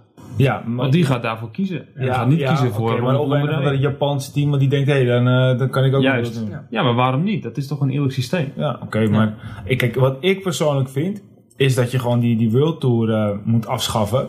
Eh, en dat je uiteindelijk gewoon alle teams de mogelijkheid moet geven om aan een competitie mee te doen. En elke keer de beste 15 teams mogen sowieso start, starten. En daaronder kun je dan dat systeem, systeem doen. Want, Ja. Want het is nu toch wel hetzelfde? Nee, want nu kan je, heb je altijd die World Tour teams die sowieso rijden. Het nadeel daarvan misschien is, het kan er ook heel vrijblijvend worden. Kijk, nu heb je eh World Tour. En alle 18 ploegen zijn verplicht om altijd met een ploeg aan de start te staan. Ja, maar Stel je hebt dat niet meer. En, eh, en, eh, en Sky die denkt, eh oeh, ja, het wordt wel even te pittig. De komende drie eh, wedstrijden, er staat een andere Nee, maar weer op. Ik leg het De niet goed uit. kunnen ook... eh, Ik leg het niet goed uit. Want wat ik bedoel is dat je gewoon moet kunnen degraderen en moet kunnen promoveren. Dus dat je, dat je ik, wat ik inderdaad, ik schets het net niet goed. Wat ik bedoel is dat je uiteindelijk gewoon de, de, de, misschien de wilte nog wel hebt dan. Maar dat je er wel uit moet kunnen degraderen. Ja. En als je gewoon laatste bent, dan rij je dat jaar erop gewoon heb je geen grote rondes meer. Want dan ben je gedegradeerd. Net zoals als jij voetbal speelt, je speelt de Eredivisie. Je degradeert. En, en zoals Twente Ja. speelt nu gewoon Eerste Divisie. Nou goed, daar zijn tekort wedstrijden voor. En- tekort en- teams, sorry. Er Maar zijn tekort teams toch- voor, voor een Maar je kan het toch met een aantal koersen doen. Ik bedoel, nu, ja, ik, ik, denk dat geld, ik denk dat geld daar ook een hele grote rol in speelt. dat is het ook. Dat is het hele Kijk, feit. eh, een, een, een, een ploeg wat nu 10 miljoen te besteden heeft en die degradeert en die gaat naar een niveau van 3 miljoen, dat houdt in dat hij zijn sponsors verliest. Ja, maar dat gebeurt toch al. een, een ploeg wat promoveert, die moet nog maar eens afwachten of hij die sponsor wel heeft om die 10 miljoen Ja, te maar dan wordt toch die, die hoogste divisie veel belangrijker. Dan krijg je daar toch juist ook televisiegelden van die ze kunnen laten doorstromen naar de Ja, teams. klopt. Maar we zien, nu al dat je een, we zien nu al dat je een sponsor moet hebben eh, om überhaupt een, een, een, een team of een ploeg Ja. te hebben. En daar, daar Maar het wordt ook interessanter als jij gegarandeerd op het hoogste niveau rijdt. Bijvoorbeeld, nu is er, we gaan het even terugkomen naar voetbal. Zo'n Twente. Die zijn veel sponsorgelden kwijtgeraakt. Ik bedoel, we hebben een kleine begroting. Als zouden ze volgend jaar weer gaan promoveren, zou Twente weer met een veel grotere begroting kunnen gaan werken. En kunnen ze meer spelers aantrekken. mee. Maar goed, het nadeel is, om, om eventjes in het voetbal te blijven, en Engeland is helemaal een mooi voorbeeld. Klopt. Dan geven ze belachelijk veel geld aan televisie-uitzendrechten. Ja. Ze halen allemaal dure jongens halen ze binnen met allemaal dikke salarissen. Ze Ja. degraderen. Maar al die gasten staan allemaal nog onder contract. Stel nou dat een Direct Energy zou promoveren. Ja. En ze trekken naast Nick Terpstra trekken ze Chris Froome, Thomas en Dumoulin trekken ze aan. Ja. Goed salaris. En eh, voor de komende drie Ja, jaar. ja. Die komen niet voor een jaartje. Maar goed, blessures, valpartij, het valt allemaal tegen. Ze degraderen weer. Zitten ze aan die vier man vast. Sponsors vallen weg. Maar wie gaan die vier jongens dan betalen? Nee, Maar ze komt het erop neer dat Direct Energy Ja, maar er daar kan, je, in de daar kan je clausules mee voor bedenken. En je kan mij niet vertellen dat als jij, oké, in het ergste geval zou het kunnen, Ja. maar je zou daar bepaalde clausules voor kunnen bedenken. Dat als je degradeert, dat je dus die renners gewoon, die moet je, de contracten moet je eh, hanteren, of moet je, moet je nakomen. Ja. Maar ze zijn wel open voor andere teams om over te nemen. En dan kan je mij niet vertellen dat er een jongen zoals Dumoulin niet wordt gekocht door een ander team. Ze moeten veel meer naar een zakelijke structuur toe. Ze hebben nu gewoon, het is, het is niks, snap je? Je bent, je, het is allemaal zo vrijblijvend. Ik bedoel, Ja. je, je, net zoals dat Hello Wanty groep verhaal. eh, die, ik denk, ik denk het, het, het woord onzeker dat dat een, eh, een hele grote rol daar ook weer speelt. Ja, maar de wielrenner moet wel toe naar een meer zakelijke eh, vorm van, van onder, ja, zakelijk van de ondernemers zelf, maar meer naar een zakelijke vorm van hoe ze daar naartoe kijken. Want bijvoorbeeld nu, wat dan met Wanty bijvoorbeeld ge- gebeurt, het, wordt gefluisterd, maar ik kan me het voorstellen dat als zij de Tour zouden rijden, dan zou de sponsor een miljoen meer betalen. En dan de helft van de sponsor gaat dan naar de Tour de France organisatie toe, bij wijze van spreken. Ik weet niet wat waar is, dat wel eens hier en daar gehoord. Ja. Wordt wel eens op, op Twitter ook eh, gesuggereerd. Geen idee. Maar als je dan gaat kijken, als je dat naar voetbal zou doen. Stel je voor dat, eh, dat bijvoorbeeld zo'n AZ in één keer zegt van... ja, oké, eh, er gaat een miljoen naar de Champions League organisatie... en dan mogen wij Champions League voetballen. Ja. Zo is het toch gewoon? Dat kan toch niet? We moeten het toch gewoon voor kunnen plaatsen. Ja. En dat, dan, dan misschien moet je waar ook op een gegeven moment een koers rijden met wat, wat, wat, wat mindere teams, dat ze daar zich voor kunnen plaatsen. En Ja. dat, dat, is dan, dat heb je uiteindelijk ook al, maar dat wordt niet gebruikt. Want je hebt die pro-continentale wedstrijden waar je gewoon punten mee kan vergaren. Alleen je hebt Ja. er nu nog niks aan. Nee. En misschien als ze dat bedoelen, dat ze niet de World Tour eh, koersen bij die ranking doen, maar alleen pure pro-continentale wedstrijden, zoals waar dus Rompel nu bijvoorbeeld nu derde staat of zelfs tweede. Dan vind ik, denk ik, ja, fair enough, zo moet je het doen, perfect. Maar het is allemaal dezelfde competitie. Hè? Dus Roompot haalt ook die punten in de Wiltekoers. En Roompot haalt ook die Ja, punten dat, in nog dat, kleinere dat vraag ik me dus af of dat zo is. Ja, ze haalden dus. Je hebt dus eigenlijk gewoon een, alle wedstrijden hebben een eigen, eh, klas, eigen klassement met punten. Ja. En dat ik ook geteld in de Europe Tour. En dan, kijk, de World Tour Klassiek is los daarvan, maar de, alle punt HC en alle 1.1, alle punt 2 koersen zitten Ja. in de Europe Tour. Dus wat Roompot, die rijdt ook iets kleinere koersen, wat helemaal niet mis is. Want dat is een goed voor ontwikkeling voor, je, voor jonge talenten. Ja. Die presteren daar beter. Dus die rijden een dubbel programma, rijden ze de grotere wedstrijden. Ja. Waar wij dus alleen maar in de ronde van Zwitserland reden, reden hun ook nog drie, vier kleinere wedstrijden bij elkaar. En daar presteren ze. En in de ronde van Zwitserland waren ze niet, maar daar presteren ze bijvoorbeeld helemaal Ja. niks. En dan laten ze hunzelf zien, maar ondertussen pakken ze even punten ergens anders. En Ja. wij hadden niet genoeg renners om het dubbel programma te rijden, dus wij pakken die punten Nee, niet. maar- dus maar- sta je automatisch onderaan. Maar dat snap ik, dat snap ik, dat snap ik. Dus dat is dus niet te vergelijken met de Nee. voetbal. Ah, het is Zo'n wel tekort Is, het niet gewoon veel makkelijker om te zeggen, jongens, we gooien alle teams eh, in de wedstrijden terug naar zes renners? Ja, In plaats van acht renners gaan we zes renners doen. We doen in plaats van vier wildcards doen we acht wildcards. Iedereen is erbij. Iedereen, het gaat niet gebeuren, maar iedereen is er wel bij gebaat. De toeschouwers erbij gebaat. Er zijn meerdere ploegen die meerijden. Er wordt meer, strijd. De teams zijn erbij gebaat, want iedereen moppert altijd. Er is zoveel controle. Nou, ben je met z'n zes is er minder controle. Ja. De, min- de ploegen met minder geld zijn erbij gebaat. Je hoeft minder renners in je team te hebben. Dus je kan meer betalen aan je renners. Maar je hebt ook tegelijkertijd minder budget nodig. Meer aandacht. Meer aandacht. Dus Ik ben het een fan, niveau maar- wordt ook eh, Ik gelijk. denk dat de renners zelf het verschrikkelijk zouden vinden, want dan is het nog meer onzekerheid. En nog minder werk. Ja, maar aan de ene kant niet. Het is alleen meer Ja, verdeeld over meerdere teams. Ik denk dat er juist Ja, wel maar de wedstrijden blijven toch hetzelfde? Er blijven dezelfde hoeveelheid wedstrijden. Dus stel je voor, er zijn 100 wedstrijden en Ja. je mag 8 renners per team. En dan ga je dus terug doen naar 6 renners per team. Ja, maar meer teams. Dus zijn dan- hetzelfde aantal Ja, maar dan, zijn, er komen niet meer sponsoren, meer teams. te- Er zijn nu al zo, zoveel teams, er komen niet eens 10 teams bij. Nee, maar, dat, maar dat, dus, dus, dat is een beetje kip en vraag. Is dat dus zo? Want als er dus, als dus meerdere teams op het niveau van een Vuelta, een eh, Tour, een Giro kunnen rijden... is is het dan niet interessanter om meer teams te gaan sponsoren? Is het dan niet interessant om dat bijvoorbeeld eh, eh, eh, naast Sky nog een ander team in Engeland is? Dat, er, dat Duitsland weer komt met een aantal teams, omdat ze op dat niveau kunnen rijden? Dat is de vraag. Ja, ja, goed, dat is dus de, dat is het eieren. Dat is, ja, dat is het kip Ja, ik snap jou ook wel dat je zegt van ja, ik er, zijn niet meer, er komen niet meer werkplekken vrij. Anderzijds worden nee, wielrenners Ze worden zeggen, verdeeld. we hebben een heel zwaar programma, we moeten heel veel rijden. Nou ja, oké, je hebt nu bijvoorbeeld een ploeg van eh 26 renners. Nou, dat wordt dan teruggebracht naar 22 renners misschien. Oké, er komen wel weer vier extra renners. Maar daartegen staat wel weer, je kan wel meer spreiding hebben. Dus in plaats van 10 koersen rijden bijvoorbeeld 5 koersen. Waardoor je dus eigenlijk fitter en, en beter getraind door het seizoen gaat. En dat is dan ook weer een Maar dat zou dus betekenen dat, dat, dat teams evengoed meer renners in dienst zouden hebben. En dat is dus wat Peter zegt. Dat Ja, maar daar rijdt de kort dan- wedstrijd. Ja, daar rijdt de kort Ja. wedstrijd. Maar wat jij zegt, is helemaal niet zo'n gek idee. Alleen dan zou je dus meer teams hebben die ook in de World Tour actief zijn. Maar dan heb je weer het andere verhaal. Ik denk dat we Chris Froome uit moeten nodigen, want hij heeft ook het idee geopperd om met een nieuwe eh, bond, of hoe ze het Oh, ja. noemen, eh, Ja. in het leven te roepen. Die kan het toch misschien wel eventjes vertellen. We Dan kunnen, we kunnen, we kunnen Chris hier altijd uit. Nou, hier bij Ja. Chris, eh welcome, you're welcome, mate. hey, we gaan, eh, we gaan, eh, we moeten alweer bijna afronden, want de tijd vliegt. We hebben, we hebben zelfs een aantal dingen waar we eh eventjes vluchtig eh, doorheen moeten. We hebben eh, sowieso de toerronde van Turkije gehad ook nog de laatste week. Nou, ik vond het echt een totaal niet boeiende race. Misschien ligt het aan mij, maar ik heb Bennett veel zien winnen. Niet George, maar Sam. Ik heb een, een onbekende Spanjaard was het denk ik. Was de Ja, Spanjaard? van, Evert eh, Prades. van Euskadi Muri, Muri, Muri, Muricas, Mu- Muricas gezien winnen. Ik heb twee keer eh Quickstep zien winnen. Ik heb eh, onze grote Colombiaanse vriend eh, op zijn wafel zien gaan. En eh, toen werd uiteindelijk zijn aantrekker van de sprint eh, won even goed nog. Richese. En ik ben even de naam kwijt. Hodeg. Nee, eh, Gaviria natuurlijk. Ja. En, en toen won Hodeg ook nog. Dus eh, ze staan inmiddels nu op 71 overwinningen Quickstep. Ja, ze hebben het record verbroken. Ja. Ja. Hey, we gaan even naar de laatste dingetjes toe. Ik wil eigenlijk nog een paar dingen echt even bespreken. eh, maar het moet natuurlijk niet, allemaal niet te lang doen. Want wordt het eh, straks een podcast van eh, anderhalf uur in plaats van een, een uur. Ehm, ja, vandaag kwam het nieuws. Cancellara is nummer 22. Dan denken mensen, ja oké leuk. eh, is dat zijn rugnummer? Ehm even teruggaan. eh, het grote Puerto-schandaal. Fuentes ehm, ja, bloed, bloeddoping schandaal. Waar ook Thomas Dekker in, in werd genoemd. En tig andere.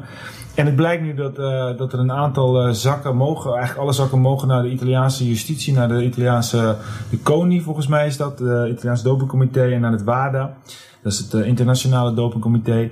En één, het is een klein nieuwsbericht tussendoor. eh, wordt er in één keer geschetst. Cancellara is nummer 22 van eh, die wielrenners die nog niet eh eh, geïnteresseerd waren. Dat zou toch wel wat zijn? Ja, het zou wel wat zijn. Zou het waar zijn? Poch, ik ken zomaar hè. Maar goed, eh, Het is moeilijk in het wielrennen zolang er niemand veroordeeld is, dan eh, kan je eigenlijk niet speculeren. Maar eh, de speculaties die zijn er sowieso. En eh, goed, hij heeft alle schijn tegen. En natuurlijk is hij bij CCC gereden waar heel veel renners al wel tegen de lamp gelopen zijn. En ja goed, het zou niet het best zijn voor, zijn, voor zijn dienst die hij heeft laten zien in de wielwereld. Want hij is natuurlijk wel een van de karakters. Maar goed, het zal me niet verbazen als, als, als zo'n zo'n renner in, bij zo- de teams waar hij bij gereden heeft eh, wat gedaan wat hij mag. Maar het is toch eigenlijk gewoon te gek voor woorden dat, eh, dat, dat, dat, dat het nu pas weer omhoog komt. Want er wordt dus nu ook nog gezegd, het ging verder, dat werd al een beetje gefluisterd, maar nummer 25, Dat bleek dan, eh, ja, dat werd nooit echt gezegd, maar dat blijkt Frank Slek te zijn. Ja. Nou, dat vind ik ook echt schokkend. Eh, en dan heb je nummer eh, 101 en dat blijkt dan uh, Vinokour te zijn. Dat vind ik niet schokkend. Maar die, die worden allemaal weer namen genoemd. En, en maar eventjes voor de mensen die niet weten wat er nog meer op stond. Daar stond bijvoorbeeld de Manchebo, stond op de lijst, dat was nummer 17. eh Botero, Sevilla, Sabalia, Basso, Jaxe, Aitor Oza, Ulrich, Thomas Dekker, Serrano. Ja, noem maar, het was, waren er zoveel. Luis Leon Sanchez. En dat is bleek dus achteraf ook zo weer te zijn dat hij weg moest toen bij, ehm, bij Rabank of Belkingen was dat toen nog, denk ik, Blanco, waar hij toen nog reed. Eh, en dan komt hij uiteindelijk weer terecht bij Astana. Ja, die maakt Ja. er geen rol uit. Maar het is natuurlijk niet goed hè, weer voor het wielrennen. Maar goed, die gasten komen gewoon uit het tijdperk en eh, dat gebeurde op grote schaal. En eh, het is heel jammer dat dat, dat tijdperk is geweest, maar eh, nee, je kan blijven vissen. Nou, dan ga je, is het jammer gaat- dat het nu weer te sprake komt. want- ja, je gaat er nog veel meer vinden in, het- in de Maar zou tijdperk. nou echt de grote kanselaar van zijn van zijn voetstuk vallen? Nee. Nee? Waarom? Nou, omdat, die, omdat ik denk wel dat, dat, dat dit een te grote vis is als hij eh, echt zijn bloeddoping daar heeft. Lens had het toch ook gedaan? Die Ja, is die is toch ook van zijn voetstuk gevallen? ja, maar goed, die het nou gewoon in, eh in aanzicht. Hij zal misschien een halfjaartje op de blaar zitten. en Ja, maar ik denk wel dat, dat als Cancellara gebruikt heeft, dat hij heel veel overwinningen kwijt gaat raken. Dat laten ze echt niet over hun heen gaan. Ik weet het niet. Belgen gebruiken niet, Belgen gebruiken nooit. Dus eh, die Belgen die willen echt wel die ronde van Vlaanderen. Ja. Ja, ik vind, het, ik vind het lastig hier een orde over te geven. Eh, er zijn zoveel soorten eh, en manieren om, eh, om het niet op de juiste manier te doen. Misschien heeft Kanselaren dit zo gedaan, misschien niet. Dit is een lijstje wat we voorbij hebben zien komen. Dat, het is, er staat nergens dat het echt zo is. Iemand heeft dat op Twitter gegooid. Maar er zijn zoveel verschillende manieren. Nu gaat het over Cancellara. Over een jaar komt er weer iets anders in het nieuws. Ja. En gaat het over eh, eh, zegt, zegt Tom Bonen, noem even iemand. Je, je weet het gewoon niet. Maar moeten we een streep achter zetten dan? Dat, dat, dat kan toch Je ook kan, je niet? kan er niet een streep eh, achter zetten of een punt achter zetten, maar ik, ik, denk, ik denk meer dat we ons veel meer moeten focussen op, op nu en, eh, en niet in het verleden. En dat is zonde van het wielrennen, dat is zonde van het huidige wielrennen. Je telefoon kraakt een beetje. Je wordt steeds, krijgt steeds berichtjes.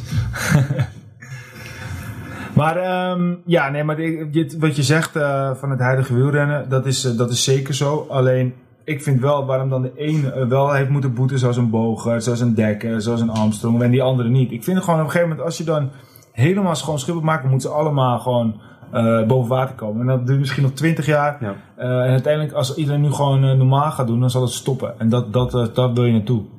Zo is het. Oké. Me aan. Mooi. Hey, we hebben, dan gaan we nog eventjes een paar dingetjes natuurlijk. Eh, we hebben in het voortraject ook nog gezegd dat we het over schaatsen gaan hebben. Nou, gaan we even kort uitleggen. Waarom stond er in het voorstukje eh, schaatsen? We willen binnenkort een, eh, een topschaatser uitnodigen. We gaan nog even niet zeggen wie het is. Dus dat is nog helemaal in het... in, in ja, een beetje geheim. Ehm, en dan willen we eventjes meer gaan praten over het feit van waarom schaatsen en wielrennen zo dicht bij elkaar ligt. Als je bijvoorbeeld Kramer ziet, Sven Kramer, de, de schaatser, dat hij ook gewoon best wel redelijk goed kan koersen. En op redelijk niveau ook, nationaal niveau, komt hij ook goed mee. Eh, we hebben afgelopen zomer gezien dat Nuis bijvoorbeeld, de, de, de Olympisch kampioen twee, eh, twee, eh, twee keer, ook gewoon op een, op een redelijk niveau meegaat. En wij willen natuurlijk wel eens eventjes horen van een schaatser wat die nou precies heeft met wielrennen. Vind Zo, een- zo klopt het hè? vind ik een goed idee. Ja, dus, dus binnenkort in onze topcast hebben we een. Onze topcast, onze podcast hebben we een special met een Nederlandse topschaatster. En dan gaan wij ook dieper in op eh, het wielrennen. Dus eh, dat is even de link met het schaatsen die we in het eerste stukje legden. Ehm, nou, we moeten echt nu bijna afronden, maar nog eens een paar dingen. Djokovic, de tennisser, wat een mafkees. Wat een balletje. Die zegt gewoon even dat het wielrennen eigenlijk maar een beetje een vieze boel is. Hoeveel keer werd hij gecontroleerd per jaar? Ik weet het niet, een paar keer misschien. Ik vind het heel jammer dat hij dat soort dingen eigenlijk eh, opnoemt. Hij zegt er is niet een andere sport waar zoveel gecontroleerd wordt dan atletiek en wielrennen eigenlijk. Ja, En eh, dat is algemeen bekend. En hun hebben ook gewoon een ba- whereabouts en dat soort systemen. Maar ja, dat dingen moet je gewoon niet zeggen. ik, ik weet niet. Een eh. Of, ze, of, of, eh, of hij weet eh, in het hele Fuentes-schandaal waarom onder andere de Spaanse justitie waarschijnlijk in de doofpot heeft gestopt, is omdat er gefluisterd werd, nou het bijna geschreeuwd dat voetballers van Spanje ook betrokken waren, dat Nadal betrokken was en dat het zo'n intense eh, eh, ehm, probleem zou kunnen worden in de samenleving. Dat ze het eigenlijk gewoon onder tafel hebben gehouden. Het is allemaal fluisteren. eh, dat, ik zeg niet dat het echt waar is. Dus, dus als Djokovic nu wil gaan vertellen dat het wielrennen een probleem heeft en het tennis niet. Ik weet niet of hij weet hoeveel Argentijnen de laatste jaren zijn gepakt op doping en weet ik veel wat. En sommigen die werden niet eens gecontroleerd. Ik vond, ik durft hij dat eh, te zeggen. Wat een pannenkoek. Ik las vandaag op, eh, op social media dat Bolt ook eh, gecontroleerd was op doping, omdat hij nu voetballer is. Ja. Hij vond het een beetje gek, want hij is amateur. Hij heeft helemaal geen contract, hij verdient helemaal niks. Hij is gewoon een amateur op dit moment. Ja, ja, ja. Maar hij werd toch gecontroleerd op doping. Ja, ja, ja, ja. Zij vroeg zich nu ook af, worden alle amateurs gecontroleerd op doping? Ja, ja, ja, ja, ja. ja, nou ja. Nou goed, eh, Djokovic eh, zijn we geen fan meer van, hè? Nee. Ik werd zelfs nog gecontroleerd vorige week. Ja, terwijl je niet eens een ploeg hebt. Ze, het, eh, dan stonden ze om 6 uur voor mijn deur, 10 over 6, twee Duitsers. Poep, poep, poep. Ja. Zeg, wel dat een is eh, nu zo weer podcast op. op kunnen nemen toen. eh. Nee, ongelooflijk. Wat een mafkees. Maar goed, Djokovic, eh, dames en heren, we gaan niet meer naar Djokovic kijken. Floyd Lennis dan nog eventjes. Die gaat zijn eigen ploeg oprichten. En die Floyd Lennis die zit gewoon in de, in de wiet of zo. hè? Heb je dat gezien? Ja, klopt. Het is natuurlijk wel een mooie kerel die, die gewoon even iets heel anders eigenlijk dan eh, ja, doping gebruikt. Dan je eigen bedrijf beginnen in de wiet. En dan gewoon nog weer ploeg beginnen met het geld wat eigenlijk van Lens was in de claim. Ja, hoe ver kan je gaan? En eh, eigenlijk een beetje lachwekkend ook wel. Ja, en dat hij dus met het, om eventjes uit te leggen, hij heeft een rechtszaak gewonnen van Lens, eh, ik was Lens Domping zeggen, maar Lens Armstrong. En eh, dat geld dat hij daaruit eh, heeft van gekregen, daar wil hij dus nu een wielerploeg. Ik vind het eigenlijk wel hilarisch. Het is wel hilarisch. Ja, maar ja. Hey, en dan nog eventjes, eh, wat ook vandaag gespeeld werd, eh, was dan even een verontrustend eh, bericht. Steven de Jong die was, was kwijt.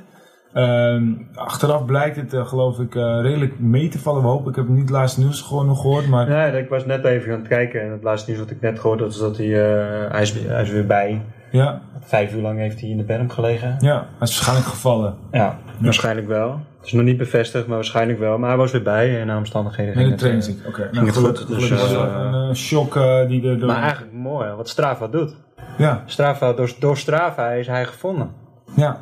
Ja, ze wisten Strava zag in welke area hij aan het fietsen was en, en waar het gestopt is. En daar hebben ze ook kunnen zoeken. Ja, en er werd wel meteen, eh, dat is wel weer het eng aan Strava, want er was ook eens een andere man die dan het gelijk op het moment eh, daar voorbij was gefietst. Ja. En toen ging er een andere wielrenner ging dat, zijn, zijn, zijn file checken van waar hij had ge- gefietst. En toen zei hij op het eind is hij vaak bij een bank voorbij gegaan, waardoor het echt zo'n misdaadthriller verhaal werd. En of, is, of er wat was gebeurd of zo. En, Ja. Dus dat is ook wel weer een beetje eng. Hè? Dus dat mensen, heel onbekende mensen werden helemaal afgebrand voordat ja. Dat er ook maar iets was. precies. Oké, ehm, Peter. Eventjes een korte blik op de huidige situatie. Ja, ik weet nog steeds niks. Het is nog steeds afwachten. De markt heeft nog steeds een beetje... eh, Ja, het, het rommelt wel, maar... eh, ja, het is gewoon wachten, wachten, wachten. En eh, eigenlijk is er gewoon een heel aparte situatie nu. Het is al jaren niet zo geweest dat het zoveel renners eigenlijk zitten te wachten op nieuws. En de kans wordt steeds kleiner en kleiner natuurlijk. Maar eh, ja, goed, ik moet ook afwachten. En eh, ik hoop dat het eh, snel de klap kan geven. Ja. En dat er nog nieuws, wat nieuws komt. En dan, tot, tot dan weten we eigenlijk helemaal niks wat we gaan doen volgend jaar. Ja. En als je straks dan, want je gaat, bent je aan het voorbereiden voor het strandseizoen, daar ga je Ja. ook wat meer op inzetten, neem ik aan. Oh ja, goed, dat vind ik altijd gewoon leuk om te doen. En omdat ik nog niks weet, ga ik gewoon lekker daarop focussen. En ga ik lekker daar met de club gaan. En we hebben een team gestart met de Flexwinkel en. Dan Oké. gaan we een eh, clubteam maken en dan gaan we op het strand als club rijden. Daar rij je als club dan. En dan rijd ik in het shirt van de club. Ja. In het flexwinkel. ja, het is gewoon een soort team van de club eigenlijk. Een strandteam van de West-Friesia zelf. Oké. Ja. Nou ja, goed, we wachten het af. We duimen nog steeds. Ehm, nou ja, goed, de komende periode, waar kijken we naar uit? Nou, we kijken natuurlijk uit naar het veldritseizoen. Eh Van der Poel was natuurlijk weer lekker bezig. Voor de mensen die het niet gezien hebben, hij eh, ging eh, zaterdag eh, op zijn mijl. En toen leek het net of hij zijn enkel had gebroken.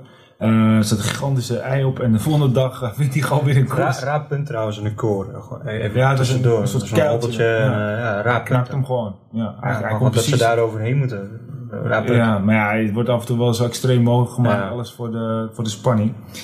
Maar goed, eh, hij won even goed weer. En eh, hij eh, heeft bijna alles gewonnen. Het overmacht ook gewoon. Ja. Bijzonder. Hij heeft één keer dus niet gewonnen. En dat was omdat hij met de ambulance werd afgevoerd. Dan word je met de ambulance afgevoerd en de volgende dag win je weer. Ja. Ja, het is echt een, het is een speciale, zoals de Belgen zouden zeggen. Ehm, we gaan het even hebben over onze, onze Remco. Hij eh, heeft weer een wedstrijd gewonnen dit jaar. eh, Of tenminste dit weekend, hè? ja. Dit jaar heeft hij er wel mee gewonnen. Ja, dit weekend won hij weer. Dat was, eh, de, de, dat was de, de Chrono... eh, eh, Nations. eh, ja, in ieder geval eh, bij de mannen, bij de, bij de, gewoon de, de, de, de profs werd hij gewonnen door een eh Tof Madsen volgens mij. ja. Met de tweede was een, eh, een andere Deen. Nibali reed trouwens ook mee, maar die werd eh voor mij achtste of zo. Maar bij de junioren reed uiteraard onze Remco hem. En onze Remco die won ook gewoon weer. Hè? ja, en Dick ook. Ja. Ja. Ja, nee, het is eigenlijk gewoon, het zou meer nieuws zijn als een keer niet iets wint. Kijk Ja. echt uit naar volgend jaar, hè? Ja, dat dat wordt mooi. mooi. Maar dan rijdt hij weer Quickstep, hè? Eerste Ja, koers is, eh, Goede Spaanse dokter. eerste koers is eh, Tour de San Juan. Oh, waar jij waar uh, ik gewonnen? eh, ja, Oké, dus, nou, eh, misschien even tips geven aan onze Remco. ja, we gaan het zien. Ja, leuk. Hey, prijsvraag. Peter of Wilco, wie bedenkt hem? Ja, dat denk jij wel eentje. Ik, eh. Ja. eh, Ik denk dat ik wel eentje heb nog. Ja, heb jij Oh. nog eentje? We hebben hem opgenoemd vandaag al. Wie is de leider in het huidige... Wie is eigenlijk de winnaar van het World Tour klassement van 2018? Wie is de winnaar van het World Tour klassement van 2018? Nou, we hebben hem Ik heb het opgenoemd. Ja, dus eh, dames en heren, jullie kunnen weer zo'n mooie kek petje winnen. Doe dat zeker. Ehm, nou, even het laatste woord, Peter. Nou, ik vond het weer leuke, eh, leuke podcast, denk Ja, ik. Iets ik- langer dan normaal, zie ik. Zeker, maar we werden op een gegeven moment een beetje fel over, eh, over eh, onder andere onze grote vriend Djokovic. En toen eh, werd het allemaal wat langer. Nou goed, het is gewoon leuk als je met enthousiasme over Zeker. kan praten. Het is natuurlijk een passie van ons alle drie wel. Zeker. Ja. En eh, dan gaat de tijd helemaal snel. Ik vond het echt leuk dat, dat onze podcast het eventjes niet deed op iTunes. Dat vond ik niet leuk, maar dat de mensen echt gaan maar reageren. Van, reageren, ja. hij doet het niet en wat is er en ik vind het zo leuk. En dat vond ik echt tof en dat heeft ons echt wel op een goede manier geraakt. Ja, daarom eh. Laat een berichtje achter als je wat, eh, wat te vertellen hebt. Of eh, een onderwerp die we aan moeten snijden. Als jullie denken van dat is een mooie toevoeging voor de podcast of ideeën. Dus schaadt niet om eh, wat te, te posten en eh, ideeën te delen. Dan, eh, Ja, wie weet wat, doen we dat wat. Peter eerder ook zei, heb je een leuk petje van ons gekregen? Deel een leuke eh, foto Ja. waar je bent met je, tijdens je tocht met ons petje op. Ja. Is leuk. Hey Wilco, voor jou staat er heel veel te gebeuren. Nog een paar dagen. Ja, dat is nog rustig. Dus, eh, Heb je het al zwaar thuis? nee, helemaal niet. Nee? nee, Nee. dat is een topper. Voor de mensen, Wilco die wordt voor de tweede keer vader. Ja. Dus, eh, Nee, mooi man. Het Ja. eerste arrière de la course eh, babytje. Die anderen waren natuurlijk daarvoor al geboren. Ja, dat, Goed, dames en heren, bedankt weer voor het luisteren. Eh, nogmaals, volg ons op Facebook, facebook.com slash Arrière de la Course. Volg ons ook op Twitter, en dat is Arrière en dan een grote C. En op Instagram, Arrière de la C. We zien graag een recensie van jullie op eh, iTunes als je het weer doet. En voor de rest eh, kun je ons ook een recensie geven op Facebook. Dus eh, doe dat echt, want we vinden het echt gek. Nogmaals, bedankt voor het luisteren en tot de volgende Arrière de la Course.